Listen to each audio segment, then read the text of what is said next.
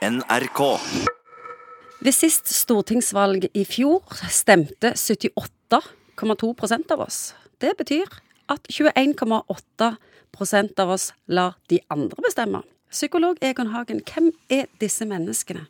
Dette er jo sikkert ting som det hadde vært lurt å snakke med kloke samfunnsforskere om, så jeg kunne nyansert dette enda Det er spennende å spørre en psykolog òg. Ja, ja, det kan Ja. si. Det, det, men det jeg ser at det, for jeg kikket på dette litt i forkant, at det er ulike grupperinger. Den ene er den er uinteresserte gjengen.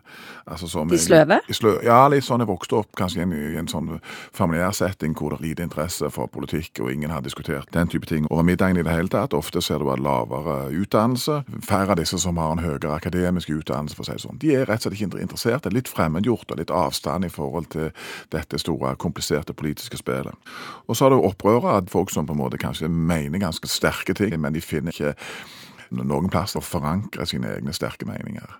Så er det alt at dette med folk som har flytta hjemmefra, og så kommer de ut av mor og fars forsiktige påminnelser om at nå er det tid for å stemme, og hvor ble det av dette valgkortet, og osv. Altså mer sånne tilfeldigheter som gjør det. Og så har vi den problemstillingen for det folk med minoritetsunge, som òg oftere lar være å stemme. Spesielt fra Asia, ser vi.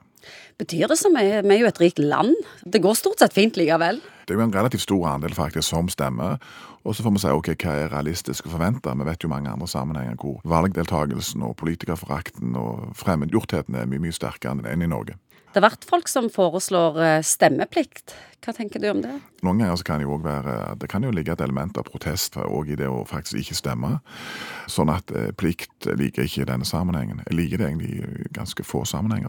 Burde alle ha stemmerett? Ja, jeg tror vi- det er ganske stor enighet om at eh, så lenge du er tilregnelig og alt dette, så bør du ha stemmerett. Du kan jo selvfølgelig diskutere hvor langt ned skal du gå i alder før folk har stemmerett. Og jeg tror at der vi befinner oss nå, er et fornuftig alder å plassere dette.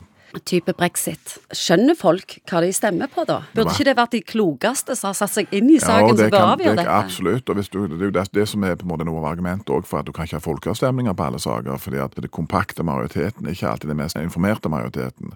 Så det der er jo selvfølgelig et dilemma mellom det å følge folkeviljen, samtidig som du noen ganger må gå og erkjenne at sakskomplekser er ganske komplisert, og at du kanskje trenger å ha brukt ganske lang tid for å sette deg inn i dette. Og vi har valgt våre beste folk til nettopp å løse denne type kompliserte samfunnsspørsmål. Har du alltid stemt? Jeg har faktisk gjort det fra jeg var- hadde anledning til det. så har Jeg gjort det. Jeg har følt det som en ja, ja, der ser du, jeg har følt det som en borgerplikt, faktisk.